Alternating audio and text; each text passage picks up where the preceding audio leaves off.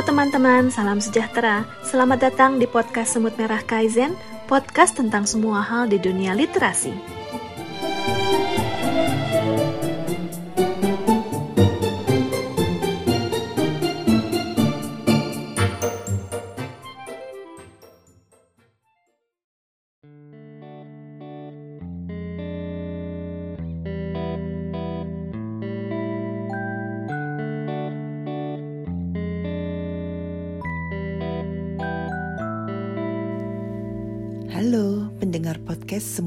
Kaizen.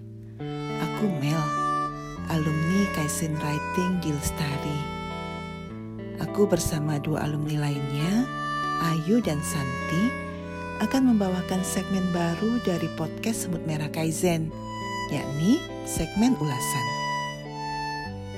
Segmen ulasan kali ini akan membahas tema rindu pada diri sendiri yang kami temukan dalam tiga buah karya seni yang berbeda, yakni cerpen yang disuarakan, drama Korea, dan sebuah novel.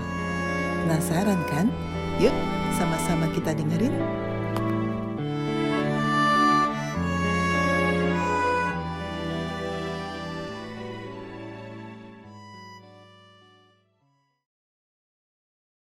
Hari ini aku bawa karya ini sih, podcast dari Nyaris Puitis. Dia isinya yang cerpen, judulnya Monster di bawah ranjang, serta kemungkinan diculik ketika berjualan es krim. Dia bercerita tentang Olin, seorang anak yang bernama Olin dengan khayalan-khayalannya. Olin kecil ini anak yang cerdas, keingintahuannya tinggi. Jadi dia mulai dengan menceritakan kisah si Olin ketika kecil, di mana dia ini punya bakat kalong yang selalu tidak bisa tidur sampai larut malam sehingga mamanya capek. Akhirnya cara membuat Olin tidur adalah dengan ditakut-takuti, yaitu bahwa nanti akan ada monster berwarna hijau, kurus, lengket yang ada di bawah ranjangnya yang akan dia memegang salah satu bagian tubuh mana pun dari manusia, maka orang itu akan menjadi seperti dia. Nah, ketakutan ini ternyata dibawa terus sampai menjelang dewasa pun ketika dia sudah bekerja, tapi ketakutan itu masih terus dibawa sampai dia harus membiarkan jendelanya terbuka karena dia takut kalau dia turun maka akan ditangkap oleh monster gitu. Nah, kemudian ketakutan-ketakutan ini rupanya menjelma menjadi banyak hal karena dia ini tipenya anaknya anti mainstream gitu jadi kadang-kadang aneh gitu dia bisa pergi ke Pulau Buru karena ada alien di sana gitu atau asal main ke bar gitu karena diajak teman tapi dalam setiap aktivitas yang dia lakukan dia selalu ada ketakutan misalnya kalau di bar kalau ada cicak di gelas bir gimana ya atau dia juga berpikir misalnya kalau dia lagi jualan es krim gitu, terus kemudian ada yang mau menculik dia, ada pembunuh berdarah diri ini yang akan menculik dan sebagainya. Jadi khayalannya banyak sekali. Nampaknya dia menceritakan meskipun begitu banyak aktivitas yang dilakukan, tetapi selalu ada ketakutan yang nggak nyaman gitu di dalam diri dia. Pada akhir dari cerita ini, dia menyimpulkan gitu bahwa dari semua khayalan ini dia sering bertanya, jadi ibu apakah benar ada monster di bawah ranjangku? Jangan-jangan nih si monster yang ada di bawah ranjang sudah berubah jadi alien yang di Pulau Buru, jadi pembunuh berdarah dingin, jadi ketidakpastiannya terhadap hubungan dan kemudian ketidakpastian itu dijawab seolah-olah dia berkata gitu, selama kau berlari semakin besar pula ketakutanmu. Sampai akhirnya kamu tak punya keberanian lagi untuk menghadapinya.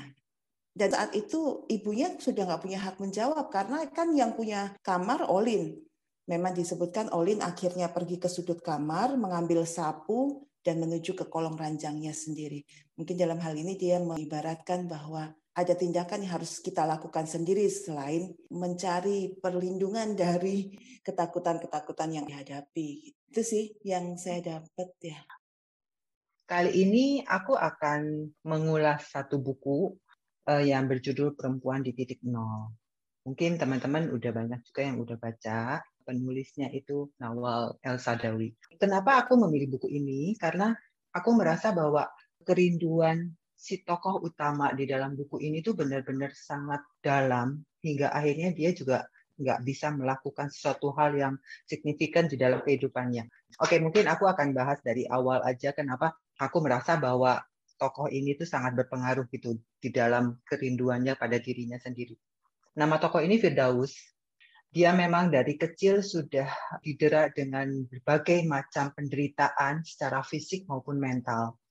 Pada saat itu ibunya sudah meninggal, dia diasuh oleh si ayah yang ayahnya sendiri juga bukan merupakan sosok yang benar-benar yang dia dambakan. Sebagaimana selama ini dia tahu bahwa oh ayah itu yang melindungi, ayah yang merawat, si ayah yang berganti perempuan, melakukan pelecehan juga pada Firdaus, melakukan kekerasan secara fisik hingga akhirnya Firdaus merasa bahwa dia tidak bisa lagi aman dan nyaman di rumahnya sendiri.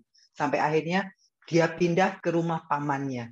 Di rumah pamannya sendiri dia mendapat perlakuan yang sama.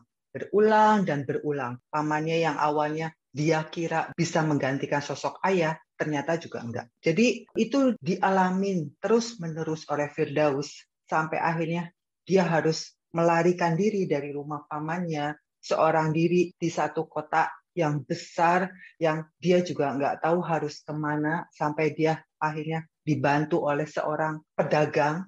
Ternyata pedagang itu pun juga memanfaatkan tubuhnya, melakukan juga pemerkosaan, pelecehan, dan sebagainya. Itu dia alami berulang dan berulang sepanjang hidupnya. Sampai akhirnya Firdaus merasa bahwa aku harus melakukan sesuatu untuk bangkit. Aku harus melawan segala kekejaman, segala ketidakadilan yang terjadi pada dirinya. Kalau aku membaca ya terjadi pada perempuan sebenarnya. Dan itu satu kenyataan yang gak bisa kita pungkiri di belahan dunia mana pun gitu loh. Bahwa perempuan dianggap kelas dua, perempuan dilecehkan, dipandang sebelah mata. Kejadiannya semakin kompleks karena pada akhirnya Firdaus menjadi seorang pelacur kelas atas. Dia merasa dengan menjadi pelacur, dia bisa menghargai dirinya. Bahwa setiap orang, setiap laki-laki yang akan menyentuh tubuhnya, itu ada harganya. Jadi dia memberikan harga kepada tubuhnya yang selama ini sudah diinjak-injak, yang selama ini sudah tidak dianggap sebagai manusia gitu loh. Hanya seonggok daging yang bisa dinikmati oleh semua orang. Akhir ceritanya saya merasa bahwa kerinduan Firdaus itu sudah pada klimaksnya hingga dia melakukan satu kriminalitas yang cukup parah. Dia membunuh mucikarinya sendiri. Akhirnya dia dipenjara. Perjalanan di penjara itu pun juga membuat saya merinding bahwa oh gila ya ada satu perempuan yang sangat-sangat mendambakan untuk meninggalkan dunia ini. Jadi Firdaus sempat ditawar sebuah gerasi oleh Presiden Mesir saat itu dan Firdaus ini dengan tegas menolak. Kenapa? Karena dia merindukan dirinya. Dan dia tahu dia tidak bisa menemukan dirinya di dunia ini. Di dunia yang sudah begitu banyak kekejaman, begitu banyak ketidakadilan. Dia ingin mati. Dia merasa dengan dia mati, dia akan menemukan dirinya yang sesungguhnya. Dia akan menemukan kebahagiaan yang dia selama ini impikan. Aku merasa bahwa, oh gila ya, kerinduan itu bisa sampai sebegitunya, sampai seorang manusia, seorang wanita itu begitu sangat mendambakan kematiannya. Itu sih yang aku tangkap dari buku, sangat berkesan banget. Aku awalnya juga merasa, aduh gila ya, ini cerita berat amat gitu loh. Aku melihat bahwa sebenarnya ini juga antara fiksi sama non-fiksi. Soalnya dia menceritakan itu ke penulisnya langsung. Jadi si penulisnya itu uh, datang ke penjara dan uh, Firdaus ini menceritakan semuanya. Oke, okay. uh, intinya itu bahwa kejadian seperti ini tuh sebenarnya cukup banyak loh di sekitar kita. Hanya kita nggak tahu. Boleh kita bilang mungkin di daerah yang pendidikannya juga mungkin nggak mumpuni untuk bisa mengerti apa sih harganya kita sebagai wanita. Mungkin kalau di kota besar nggak terlalu terdengar se ekstrim ini gitu loh.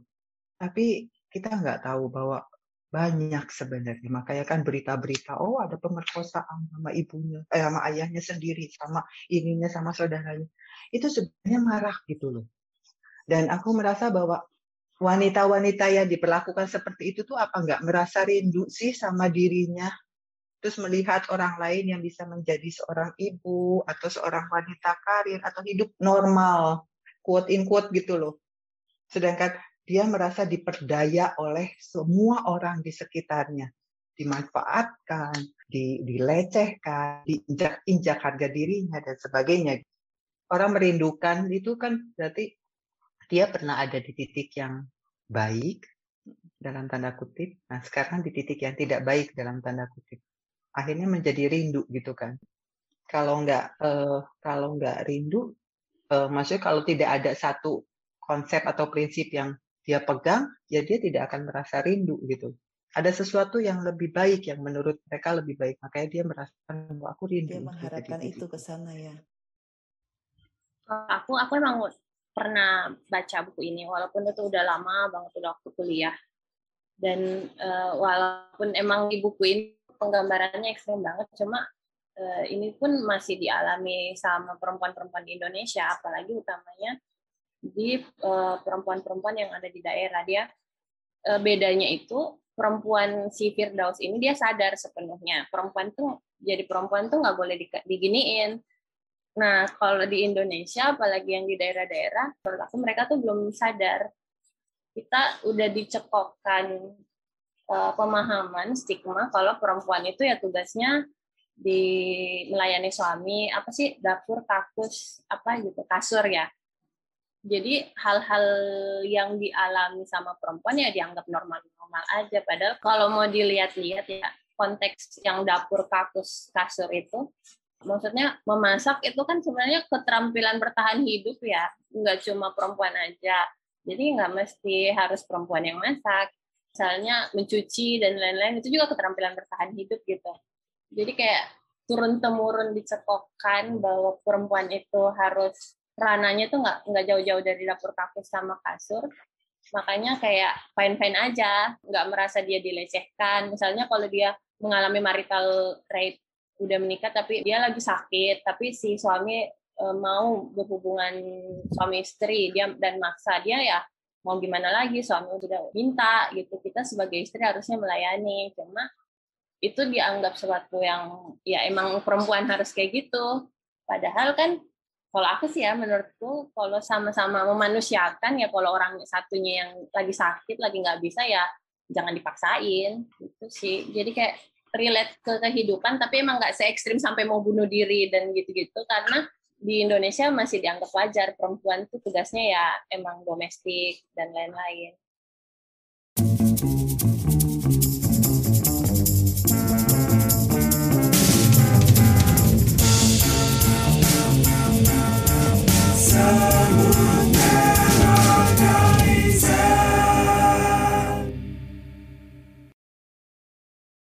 Aku baru aja nonton drama Korea judulnya Birth Care Center.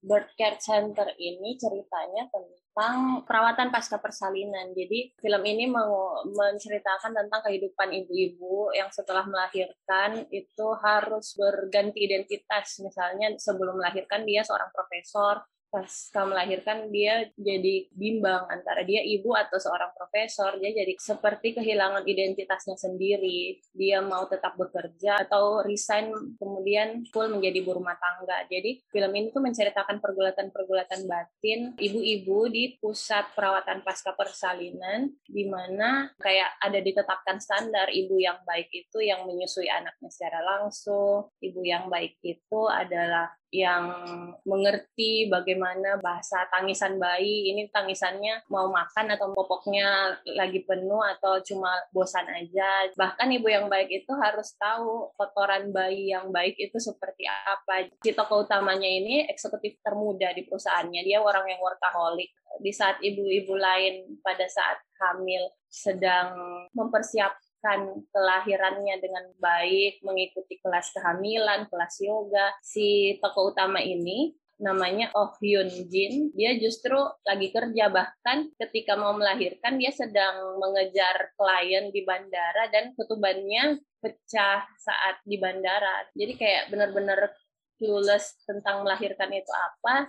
Masuk ke pusat perawatan pasca persalinan di mana standar ibu yang baik itu jauh dari dirinya sebagai eksekutif termuda. Jadi kayak dia kehilangan jati dirinya sendiri. Dia kadang bingung keputusannya untuk memiliki anak apakah benar atau tidak? Apakah karena keegoisannya ingin memiliki anak dan ingin berkarir dia justru mencelakakan anaknya sendiri dan itu diceritakan di film ini walaupun dibungkus dengan komedi-komedi tapi di film ini ceritanya sangat relate banget sama kisah ibu-ibu sekarang yang pusing antara menjadi wanita karir atau jadi ibu rumah tangga. Singkatnya seperti film ini.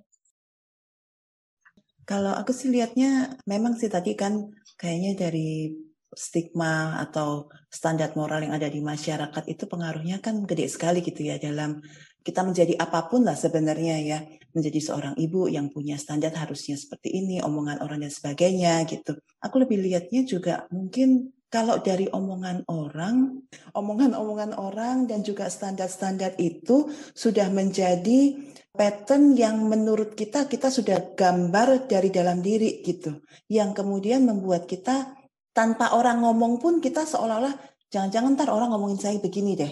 Jangan-jangan nanti orang berpikir saya seperti ini gitu. Jadi banyak hal yang ada di sekitar kita itu memang sih omongan orang gitu, tapi justru yang paling berat itu ketika omongan orang itu sudah menjadi pattern yang kita gariskan bahwa seharusnya hidup saya seperti ini. Seharusnya saya kalau jadi ibu seperti ini seharusnya saya kalau jadi wanita karir seperti ini, itu yang justru akan menjadi struggling paling besar yang menghantam diri sendiri berulang-ulang gitu. Ada atau tidak ada omongan orang.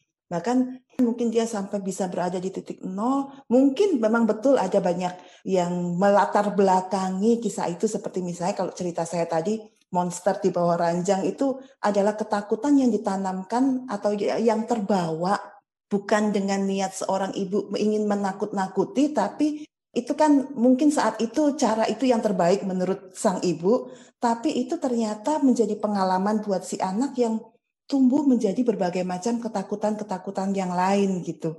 Unsur yang tertanam itu yang kemudian menjadi ketidakpastian. Benar nggak sih tindakan saya? Jangan-jangan begini nggak sih? Jangan-jangan begitu nggak sih? Itu hmm. sih kalau saya nangkepnya jadi ada ada unsur ke sana gitu ya, bukan cuma sekedar omongan orang tapi apa yang sudah yang membuat kita kemudian kita merindukan sesuatu yang yang nyaman, yang memang sesuai keharapan kita. Ini kan sebenarnya pattern atau apa ya kisah atau cerita yang kita bangun tentang kita loh gitu. Yang akan membuat uh, kita menghadapi berbagai macam masalah itu seperti apa gitu. Kalau nggak sesuai biasa kan kita tolak-tolakin gitu. Kalau saya maunya sih orang-orang sesuai gitu sama cerita saya. Begitu ada cerita orang lain yang nggak cocok, kita mulai ah, nggak nah ini nggak nggak oke okay, gitu. Menurut saya ada ada unsur ini loh, apa cerita diri sendiri ini yang ambil peranan lumayan besar gitu. Dari sisi itu sih.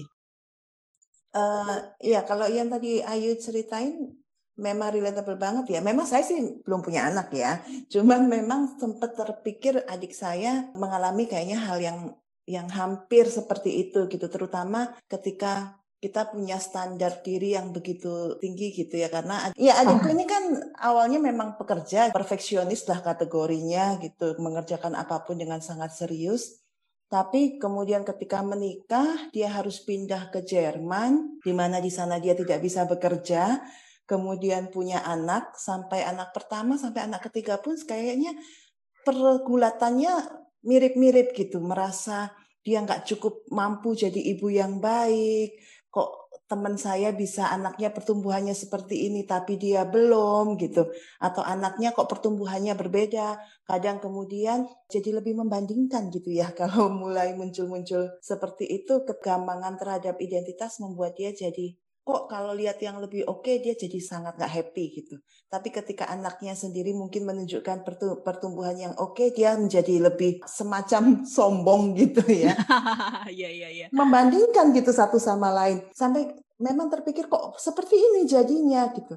Tapi sering kali juga kemudian dia merasa marah ketika nggak sanggup mencari solusi terbaik. Misalnya ketika anaknya mungkin rewel gitu ya, terus dia mengambil tindakan marah, sementara dia tahu bahwa harusnya nggak boleh marah gitu. Terutama ini hmm. karena adikku ini kan dulunya guru, terus kemudian dia juga belajar Montessori, juga dia belajar brain gym yang dia tahu segala macam teorinya untuk mengurus anak atau melakukan treatment yang baik pada anak, tapi pada saat menghadapi sendiri itu benar-benar antara teori dengan perasaan gamang dan dan mencari posisi ini kayaknya tantangan berat itu ya gitu. Iya.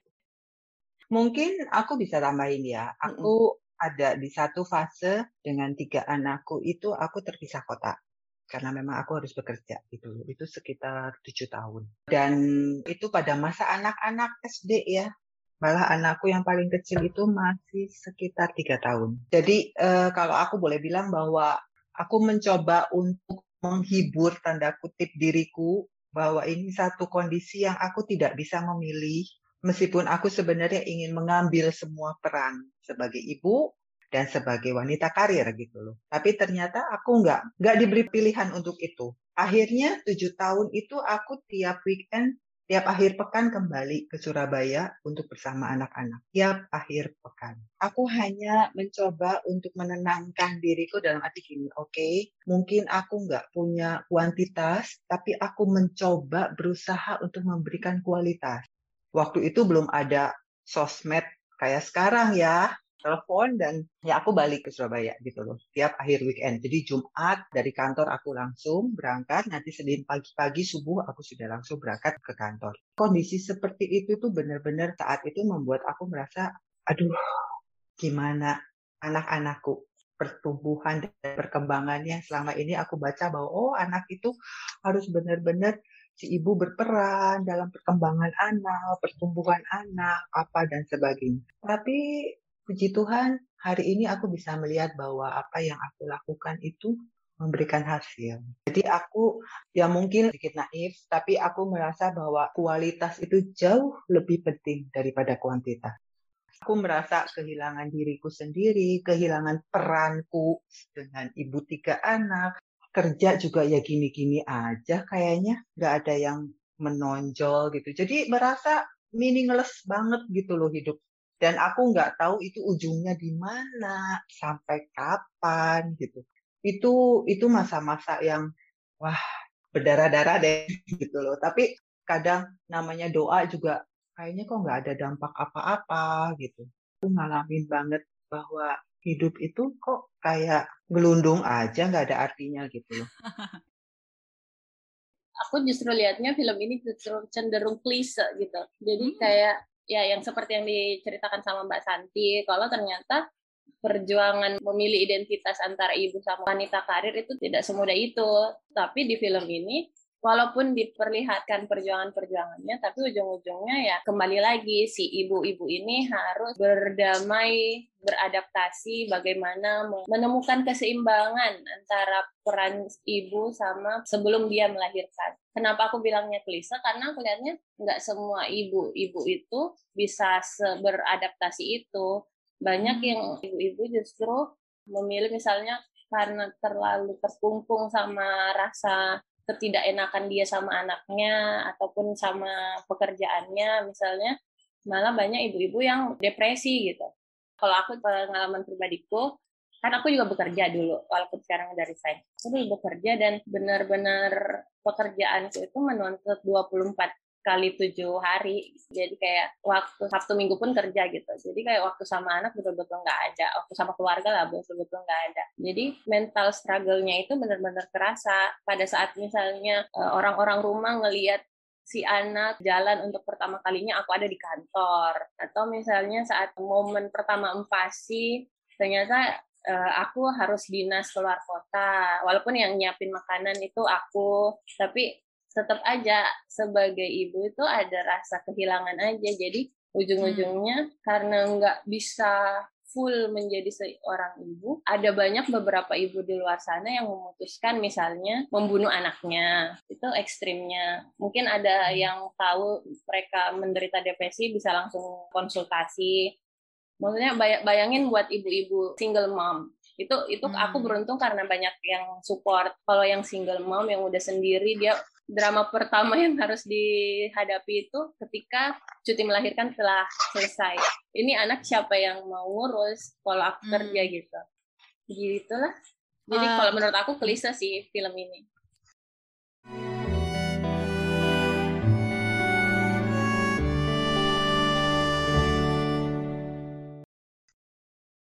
Aku nyambung sedikit dari yang Mbak Mel.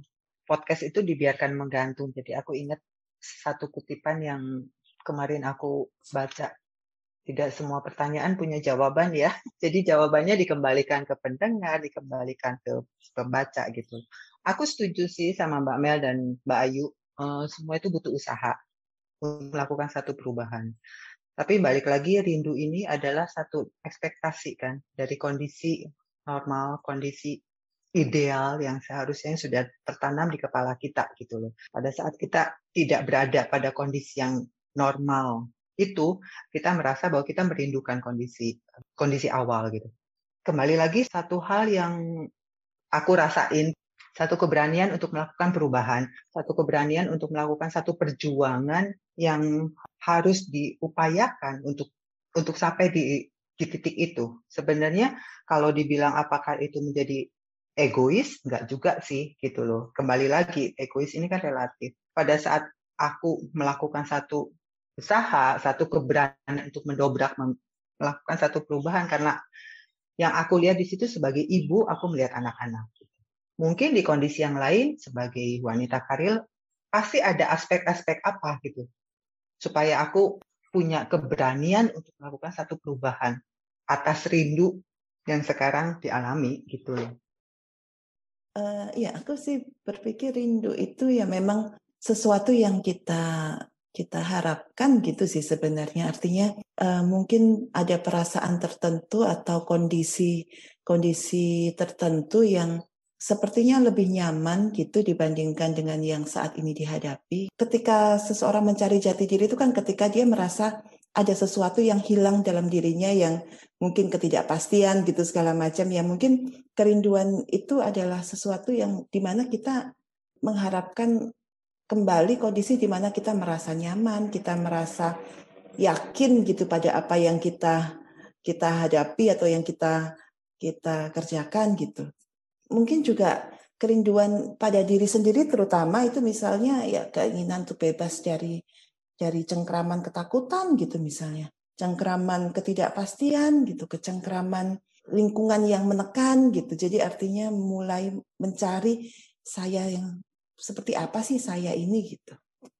Kalau di podcast yang tadi saya lihat itu, eh, yang saya bawakan itu lebih ke menggantung di akhirnya karena dia mengatakan bahwa uh, kan hidupmu gitu. Jangan tanya lagi ke mama masih ada monster nggak, tapi dia kemudian ambil sapu, mendekat ke bawah ranjang, artinya dia harus ambil tindakan. Tindakannya seperti apakah? Apakah setelah itu dia kabur ataukah dia nyapu kan digantung di situ. Artinya ini ya tergantung kepilihan kita, gitu kepilihan kita.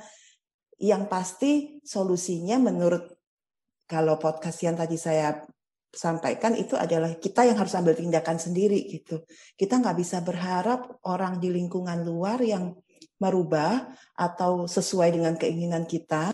Kita juga nggak bisa berharap keajaiban tiba-tiba monster itu hilang gitu ya, ketakutan kita hilang, tapi harus ambil tindakan gitu bahwa kita hmm. sendiri yang punya potensi atau punya kesempatan, punya pilihan apakah saya akan tetap berputar dalam ketakutan ini atau memang harus ambil tindakan meskipun itu mungkin menakutkan sekali juga gitu kan. Aku kayak kalau nanya ke diri sendiri, rindu itu apa sih? Kita pernah pernah berada dalam satu kondisi yang kita kondisi ideal gitu. Maksudnya kondisi yang benar-benar kita mau kita seperti itu. Dan ketika kita ada satu momen yang merubah ke kondisi hidup kita, kita melihat kembali ke belakang. Aku pernah loh menjadi seperti ini dan aku bahagia di situ. Aku pernah loh menjadi sosok seperti ini dan aku baik-baik saja di situ, tidak seperti sekarang. di mana aku udah berubah dan aku nggak suka sama perubahan ini cuma untuk kembali berarti kayak ada jarak antara kondisi yang lalu sama kondisi sekarang. Jadi butuh usaha-usaha untuk kembali ke sosok yang dirindukan atau bertemu dengan si objek kerinduan ini. Rindu itu akan selamanya merindu atau ya menuntaskan rindu. Karena kan katanya Dilan rindu itu berat. Jangan coba-coba. Jadi emang kalau mau menuntaskan rindu itu butuh pengorbanan. Nah namanya pengorbanan nggak ada yang gampang dan hmm. itu harus dimulai dari diri sendiri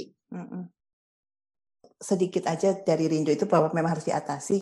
Ini masih dengan dari karyanya si Nyaris Puitis ini, saya ngambil satu clue aja gitu bahwa ketika kita mengalami rindu gitu ya artinya mencari jati diri, mencari kondisi yang kita nyaman gitu.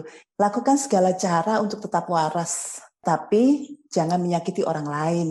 Mungkin melapangkan hati seluas-luasnya hingga tenang seperti samudra agar masalah apa pun yang datang terjadi lenyap, nggak jadi hal yang terlalu melelahkan buat kita. Dan kalau sewaktu-waktu kamu lelah, kamu tahu bahwa kamu selalu punya cara untuk menyembuhkan diri sendiri.